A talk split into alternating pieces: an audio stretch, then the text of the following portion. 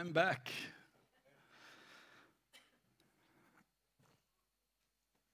Mår ni bra förresten? Eller hur mår ni? Är det tumme upp, tumme ner eller mitt emellan? Eller... Det är dumt att fråga mår ni bra, för då förväntas det att man ska säga ja. Eh, men du vet, det är olika. Det var en, en eh, kär medlem här i församlingen som sa en gång när någon eh, sa att jag har så ont i benen, säger personen. Och så säger han så här, du ska vara glad att du inte är en abborre. Ja, för då vill man inte ha ont i benen.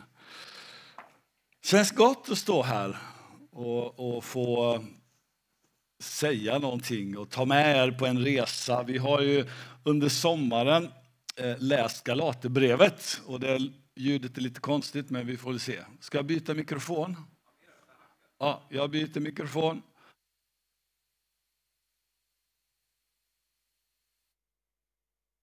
Så där. Oj. Nu, nu låter jag till och med bra ju.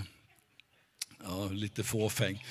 Men under sommaren så har vi gått igenom Galaterbrevet tillsammans och det har varit en fantastisk resa. Jag vet inte om du har läst Galaterbrevet så här hemma. En del har gjort det, andra har inte gjort det. En del tycker bara wow, ska läsa ett helt brev och andra bara superhungriga. Nu ska jag få läsa. Hemma har vi gjort så här att vi har eh, varje morgon, i princip, inte alla morgnarna, ibland har vi latat oss riktigt, men vi har försökt att läsa ett kapitel per dag tillsammans, högläsning. Och då läser jag fem versar och Inga-Lill läser fem versar. Och sen pratar vi lite och sådär. Sen har vi plöjt igenom, eh, ja spelar ingen roll, men vi tog först eh, folkbibeln eh, 18. Och sen så gick vi över till The Message, tror jag det var. Och den var jag inte nöjd med. För det var blandat, en massa akademiska ord och rätt som det så stod det polare mitt i allting. Det bara varit konstigt.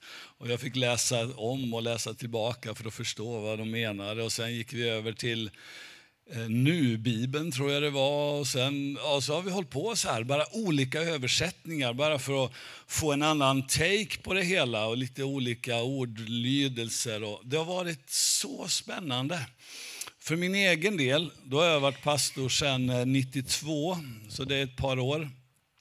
Så har jag hittat en mängd olika saker i Galaterbrevet och vinklingar som jag inte riktigt hade tänkt på det sättet eh, innan vi läste så här. Vi bara plöja en eller ett brev i en hel månad eller fem, sex veckor. Det har, det har varit nice.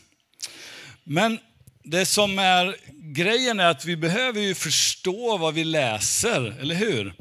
Och det finns i Galaterbrevet inte minst, jag tänkte på det när Inga-Lill hade sin inledning här, att hon använde en del ord som är lite obegripliga. Eh, en av våra kära medlemmar här kallar de här orden för kyrkiska.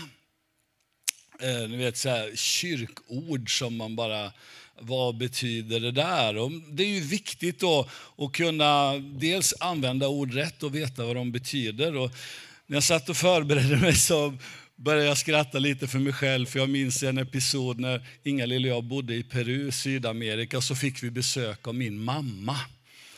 Vad har det med Galaterbrevet att göra? Jo, det ska ni alldeles strax få reda på. Eh, det är så att i Peru pratar man spanska och min mamma hon hade bott i Brasilien hela sitt liv, eller större delar av sitt liv, pratar portugisiska och spanska och portugisiska är snarlika.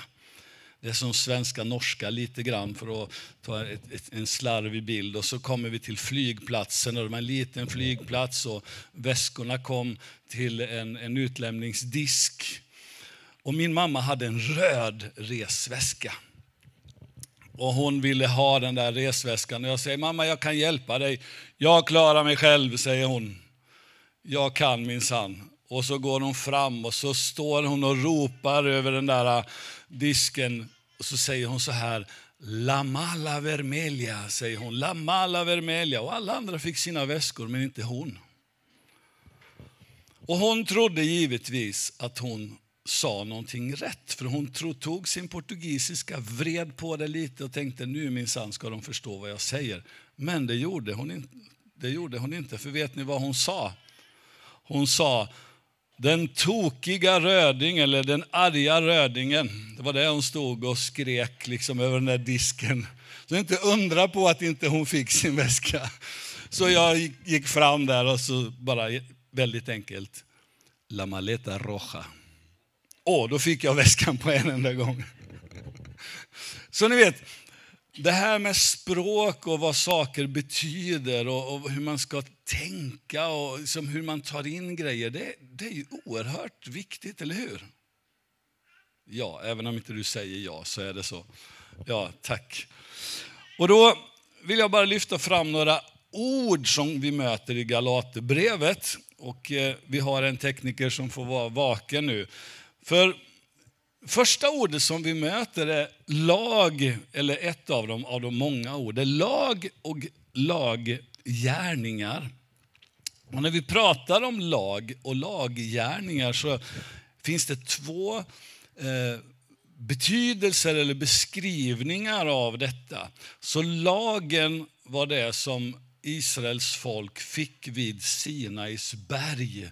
Läser man Bibeln så har de varit fångar i 400, eller slavar i 420 år. De kommer ut i frihet och Gud sluter ett förbund med sitt folk och ger dem lagen. Och där bland annat har vi de tio Guds bud, eller hur? Så det är lagen. Men lagen eh, skulle ju följas också till punkt och pricka. Och, och det här blev eh, för många då en, en, en väg till rättfärdighet. Jag kommer strax till det här ordet rättfärdighet. Så för att jag ska vara bra och godkänd, då skulle jag följa alla grejerna som stod i lagen och därför så är det till och med så att eh, under Jesu tid och lite tidigare så la de, de laglydiga till en mängd olika lagar för att hjälpa folk att följa lagen. Så det fanns lagar för lagen. Som till exempel för att följa sabbatsbudet. Och det här gäller ju fortfarande i Israel. Jag, ni som har varit där vet att, för det står ju så här, ett av buden, du ska helga sabbaten. Och då finns det en mängd olika så här, ja men hur helgar man sabbaten då? Ah, Okej, okay, vi får inte tända eld och vi får inte laga mat och vi får inte gå så långt och vi får inte göra det. Och, får, och så är det massa tilläggsbud. Och, och följde man då det här då så hamnar man under laggärningar. Är ni med? Och när vi läser Galaterbrevet så vad han är ute efter och det han pratar om mycket, Paulus, här när han skriver det här till de som bor i Galatien, det är att, att leva under det, alltså det regelsystemet på det sättet, det är att vara slav under det och ingen kan bli rättfärdig eller helt prickfri genom att leva under laggärningar. Därför att någon gång så gör vi fel. Och har man gjort ett fel då har man gjort fel. Punkt slut. Är ni med? Då är det som en dominobricka. Liksom, man fäller den ena så bara prrk, och så liksom allt är förstört. Det är, det är inte perfekt. Eller kanske en annan bild, ett pussel där det saknas en liten bit. Det är så störigt. Eller om du har haft en gammal tv eller telefon där det fattas någon pixel mitt i och det blir en fläck det är inte perfekt längre, utan det är operfekt. Är ni med? Så lag och laggärningar. Och sen har vi ett annat begrepp som är nåd. Och vad är nåd för någonting? Nåd är o, oförtjänt. Eh, en oförtjänad gåva. Det är ingenting du kan göra någonting för att få. Det, det är någonting som du egentligen inte, du förtjänar inte det alls, men du får det ändå. Och det här kan ju vara ett ord som är lite svårbegripligt emellanåt.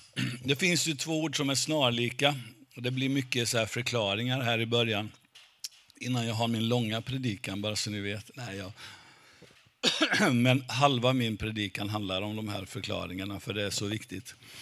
Nåd. Det finns ett annat ord som är snarlikt som nåd och det är ju eh, barmhärtighet eller grace.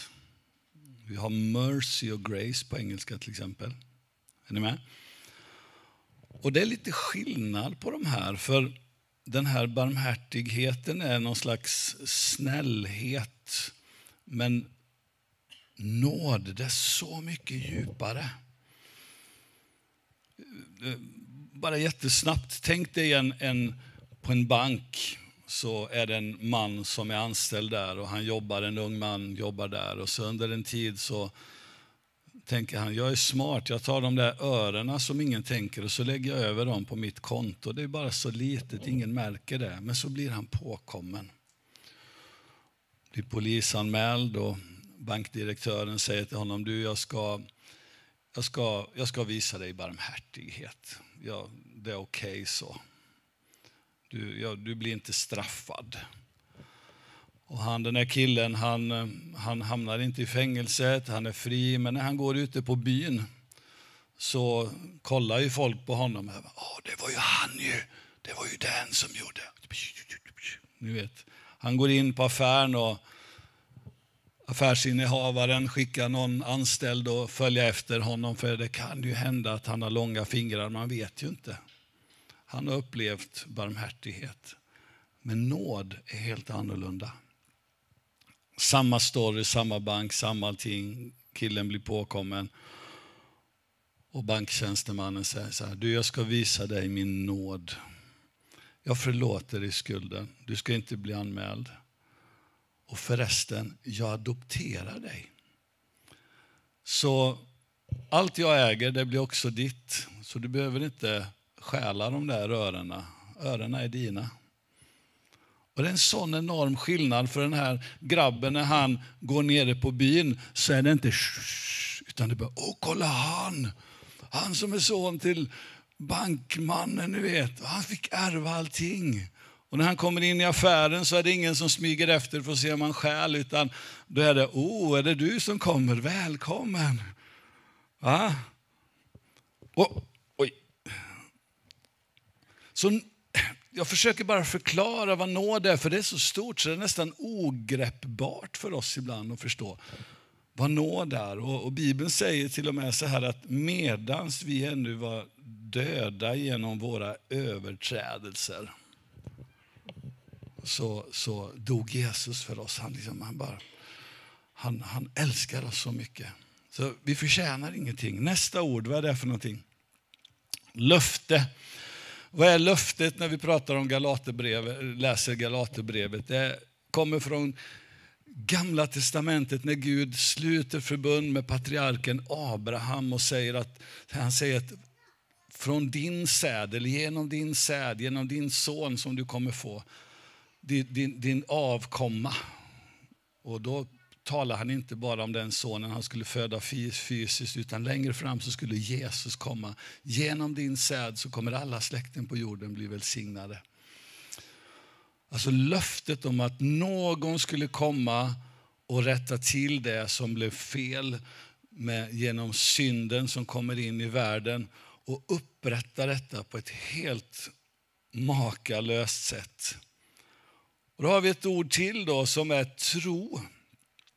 Och tro, det är ju att lita till fullo på något. Det är inte att prestera och klämma fram någonting, utan tro det är faktiskt att, att lita på det. Jag, jag, jag lägger mitt liv på det här. Det, här. det här. det här tror jag på. Är ni med? Verkligen att bara ge sig till det. För jag, jag tror verkligen på den här idén eller på det som har sagts till mig. Sen finns det ett annat ord som vi möter i texten också som är ganska tungt och negativt och det är förbannelse. Förbannelse, när vi läser i Bibeln så är det en, en man kan använda olika synonymer för det. Fördömelse, straff, sjukdom eller plåga att vara förbannad, att vara oönskad eller att vara, liksom det är så negativt över det. Och, och eh, jag ska läsa ett långt stycke här om en stund och då kommer det här ordet också fram. Sen finns ett annat ord som är i motsats till förbannelse, som är väldigt vackert och fint, och det är välsignelse. Välsignelse. Och eh, slår man upp eh, synonymordbok på välsignelse så kan man läsa att det kan betyda godkännande och det kan betyda uppmuntran. Välsignelse. Jag har varit med om när du säger så här, jo men ni har min välsignelse. Ni har mitt godkännande. Och sen har vi ett annat ord, två ord kvar. Det är rättfärdig, eller rättfärdighet också. Och eh, att vara rättfärdig i synonymordboken, då, om man läser den återigen, så kan vi hitta ett ord som är ostrafflig. Alltså du kan inte straffas för det här därför att du är rättfärdig. Är ni med? Är ni vakna? Ja, bra. Ostrafflig. Och att rättfärdiga, då har vi synonymen som är att urskulda eller rentvå någon. Då är man rättfärdigad. Är ni med? Ostrafflig och ren ostrafflig och rentvådd, kan man säga så? Det är alltså en förklaring av rättfärdig. Och sista grejen här tror jag, jag tittar på skärmen här, jag vet inte om jag har fler ord, jag har inte det va? Jo, jag har en till. Och det är Kristus som korsfäst. När Paulus talar och skriver om det här både i Galaterbrevet och i Romarbrevet, där han talar om att korsets tal är en dårskap för den som inte tror, men, men en kraft till frälsning för den som tror, så handlar det just om det här som vi kommer läsa om. att att när vi läser i Bibeln så är ju korset Korset såg troligen inte ut så här, utan det talas faktiskt om en påle. Och att om någon blir upphängd på trä, står det i Bibeln, så är han förbannad. Kommer ni ihåg det ordet, förbannad? Och eh, egentligen på grund av din och min synd. Och synd är inte en, en ryggsäck, någonting man har på utsidan. Utan synd har med hjärtat att göra.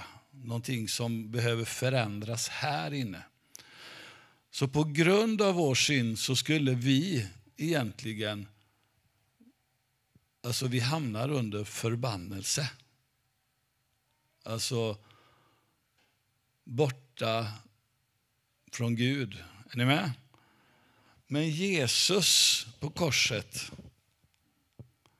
då är det att Jesus han tar våran plats och tar straffet för dig och mig. Han som tar förbannelsen på sig så att du och jag kan gå fria. Och Det här är evangelium, som ett annat ord som jag inte har med, men som är det glada budskapet. Alla de här orden finns med i Galaterbrevet. Och nu ska vi läsa. Och jag vet att ni har era biblar med er, men jag ska vara dryg idag. Jag har plockat ur bara lite så här versar. Lite här och lite där. Och så har jag satt ihop ett komprimerat Galaterbrev. Ni vet som när man pluggar och så stryker man under så här, det viktigaste. Så jag har strukit under det viktigaste och satt det i text.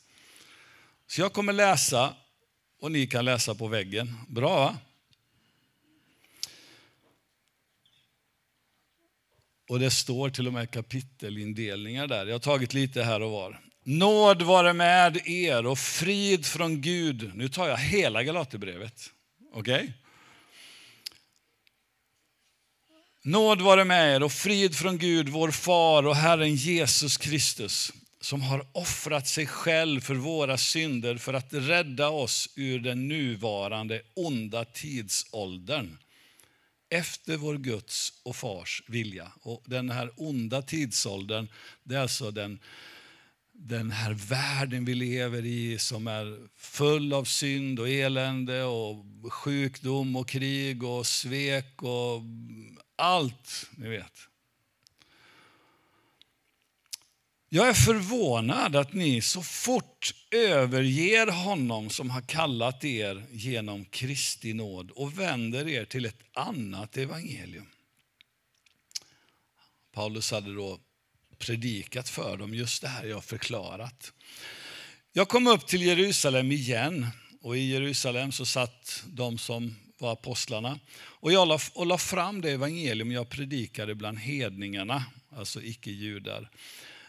Men inte ens min följeslagare Titus som är grek blev tvingad till omskärelse. Och vad är omskärelse då? Jo, det är att ta bort förhuden på alla män som ett tecken på att minsann jag följer lagen. Och de som ansågs betydelsefulla, hurdana de nu var, gör ingen skillnad för mig. För Gud ser inte till personens yttre. Dessa ansedda vill inte ålägga mig något mer.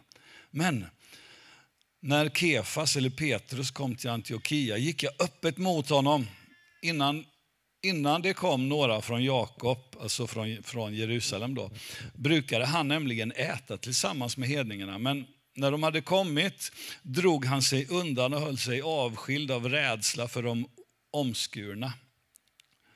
För de som liksom, jag visar minsann på mitt yttre att jag, jag är okej. Okay. Även de andra judarna hycklade på samma sätt. Så till och med Barnabas drogs med i deras hyckleri.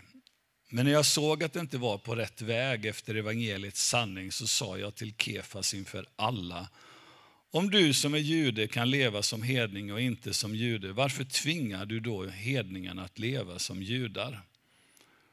Varför tvingar du alltså på en massa grejer på folk? Men vi vet att människan inte förklaras rättfärdig. Kommer ni ihåg det ordet? Skuldfri, rentvådd. Genom laggärningar, utan genom tro på Jesus Kristus. Och därför har, vi, har också vi satt vår tro till Kristus Jesus för att stå som rättfärdiga genom tro på Kristus och inte genom laggärningar. Genom laggärningar blir ingen människa rättfärdig. Jag förkastar inte Guds nåd. För om rättfärdighet kunde nås genom lagen, då hade Kristus dött förgäves dåraktiga galater, vem har förhäxat er? Ni fick ju Jesus Kristus målad för era ögon som korsfäst. En enda sak vill jag veta från er. Fick ni anden genom laggärningar eller genom att lyssna i tro? Och det här med att få anden, det betyder blev ni frälsta, räddade, blev ni kristna?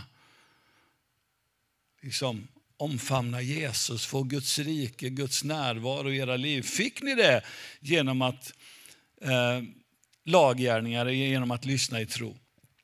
Han som ger er anden och gör underverk bland er, är det för era laggärningar eller för att ni lyssnar i tro som Abraham?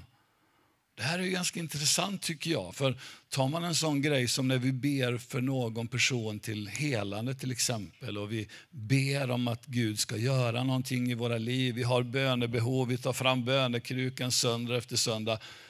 Får vi bönesvar för att vi följer allting precis och minsann håller oss på mattan och nu ska vi kohandla med Gud. Gud, om, jag, om du gör det så ska jag göra det här, ni vet. Eller är det för att vi tror på Gud. Laggärningar smyger sig väldigt lätt in.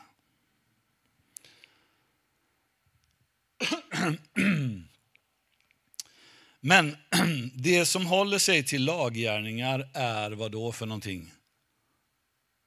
under förbannelse. Och tänk på det, den som, ska, den som håller sig till laggärningar, det är som att den kommer, ja, den går inte fri för att vi kommer aldrig att klara genom det här med laggärningar. Det står skrivet, förbannade den som inte håller fast vid allt som står skrivet i lagens bok och gör därefter. Notera allt som står skrivet. Kristus har friköpt från lagens förbannelse genom att bli en förbannelse i vårt ställe. Det står skrivet, förbannade var och en som är upphängd på trä. Varför gavs då lagen? Jo, den blev tillagd på grund av överträdelserna för att gälla tills avkomlingen kom. Avkomlingen, det är Jesus. Han som löftet gällde. Den utfärdades genom änglar och lades i en medlares hand. Och så blev lagen våran övervakare fram till Kristus för att vi skulle förklaras rättfärdiga av tro. Men när tron väl har kommit så står vi inte längre under någon övervakare. Alla är ni Guds barn genom tro på Kristus Jesus. Alla ni som har blivit döpta till Kristus har iklätt er Kristus. Han är inte jud eller grek, eller här är inte jud eller grek, slav eller fri, man och kvinna. Alla är ni ett i Kristus Jesus. Och om ni tillhör Kristus så är ni avkomlingar till Abraham, det vill säga arvingar efter löftet. Och eftersom ni är söner har Gud sänt i våra hjärtan sin sons ande som ropar Abba far.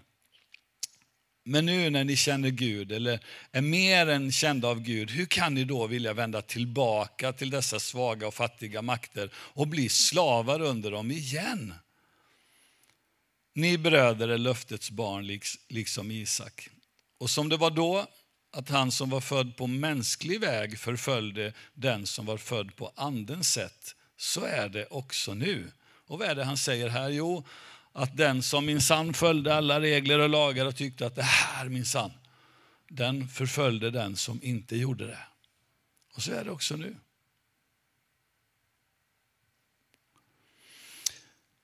Till denna frihet har Kristus gjort oss fria. Stå därför fasta och låt er inte tvingas under slavoket igen. Ni är kallade till frihet bröder. Låt bara inte den friheten ge köttet något tillfälle, utan tjäna varandra i kärlek.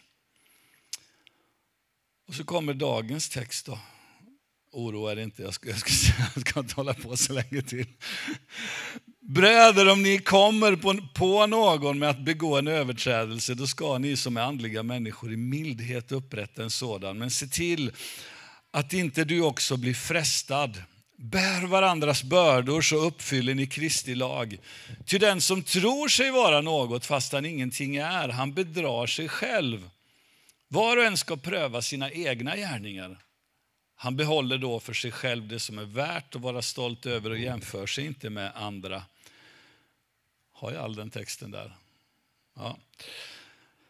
Ehm, var är jag någonstans?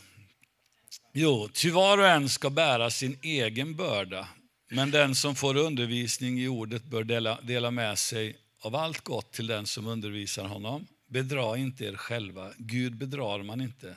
Det människan sår ska hon också skörda. Och den som sår i sitt kötts åker ska av köttet skörda undergång, men den som sår i andens åker ska av anden skörda evigt liv. Låt oss inte tröttna på att göra gott, ty när tiden är inne så får vi skörda om vi inte ger upp. Låt oss därför göra gott mot alla människor medan vi har tillfälle och framförallt mot dem som delar vår tro. Alla, alla som vill ha gott anseende genom något yttre försöker tvinga er till omskärelse. Och detta bara för att de inte ska bli förföljda för Kristi kors. Till de som låter omskära sig kan inte ens själva hålla lagen, men de vill att ni ska låta omskära er för att de ska kunna skryta med att ni är omskurna. För min del vill jag aldrig berömma mig av något annat än vår Herre Jesu Kristi kors genom vilket världen är korsfäst för mig och jag för världen. Det har ingen betydelse om man är omskuren eller oomskuren. Det som betyder, verkligen betyder något är en ny skapelse. Amen. Där har ni en sammanfattning av Galaterbrevet. Det absolut viktigaste och de här begreppen som jag försöker ta med. Bara tre korta nedslag i den sista delen av texten här. Vers 1 och 2. Bär varandras bördor. Han säger, han säger så här, bröder om ni kommer på någon med att begå en överträdelse, då ska ni som är andliga i mildhet upprätta en sådan, men se till att inte också du blir frestad. Bär varandras bördor så uppfyller ni Kristi lag. Vad är det han säger här? Jo, om du kommer på någon som faktiskt gör fel, om man, om man speglar det mot lagen, för är lagen borta? Nej, den, den är kvar. Lagen finns där, Guds bud finns där. Det finns det som är rätt och det som är fel, det som är bra, det som är dåligt. Allt det här finns. Och givetvis är det så att, att vi är kallade att följa Guds bud. Men skillnaden är att det är inte ett hundraprocentigt perfekt följande som gör att du är rättfärdig och älskad av Gud och, och är omfamnad av honom. Utan det som gör det är Guds nåd och tron på Jesus Kristus. Det är skillnaden. Så när du ser någon som, oj den där agerar inte alls, den gör ju faktiskt någonting som inte är bra. Vad ska du göra då? Eh, nej, nej, nej, nej, nej, nej, nej absolut inte. Utan du ska liksom upprätta den människan i all ödmjukhet. Så fint och så varsamt och så kärleksfullt och så på så bra sätt som möjligt som du kan. Bara, Oj, du har visst ramlat. Kan inte, kan inte jag få hjälpa dig? Och så går vi tillsammans. Det är du kallad till. Och så står det, se till att inte också du blir frestad. Och, och, faktum är att när jag läser den versen efter att ha läst Galaterbrevet en hel månad så tänker jag så här, undrar om Paulus menar, bli inte frestad också du att hamna i pekpingervalsgrejen. Inte frestad att göra det som den har gjort. Det, jag tror det är ganska långsökt att om, om du liksom möter någon som Eh, på fel väg och så blir du frestad också att, att göra det. Utan jag tror mer att bli inte frestad av att känna dig, ja men jag minsann är nog lite bättre än vad du är. Skärp dig nu, nej nej nej, du vet. Och varför tror jag det? Jo, därför att, att nästa grej här att vi alla står under samma villkor. Du står inte över någon. Det står i vers 3, 4 och 5 här. Ty den som tror sig vara något, fast han egentligen ingenting är, han bedrar sig själv. Var och en ska pröva sina egna gärningar. Han behåller då för sig själv det som är värt att vara stolt över och jämför sig inte med varandra. Och så står det så här, ty var och en ska bära sin egen börda. Ja men här minsann Ruben, nu säger Bibeln emot sig själv. Det stod ju innan här att bär varandras bördor och så står det nu bär din egen börda. Hur hänger det ihop? Det är två olika saker. Det Paulus säger egentligen är att jag är kallad till att hjälpa dig och bära dig när du har det svårt. Och uppmuntra dig, lyfta dig. Du är kallad att göra detsamma med mig. Men inför Gud, inför Gud så är det mitt eget ansvar det jag gör med mitt eget liv. Och därför måste jag, så att säga, den kampen jag har i mig, den måste jag ta itu med själv. Alltså själv, jag får hjälp av andra, men, men det är mitt ansvar. Är ni med? Så det är två olika vinklingar här på detta. Och så nästa grej här då. Bedra er inte, själv, inte er själva.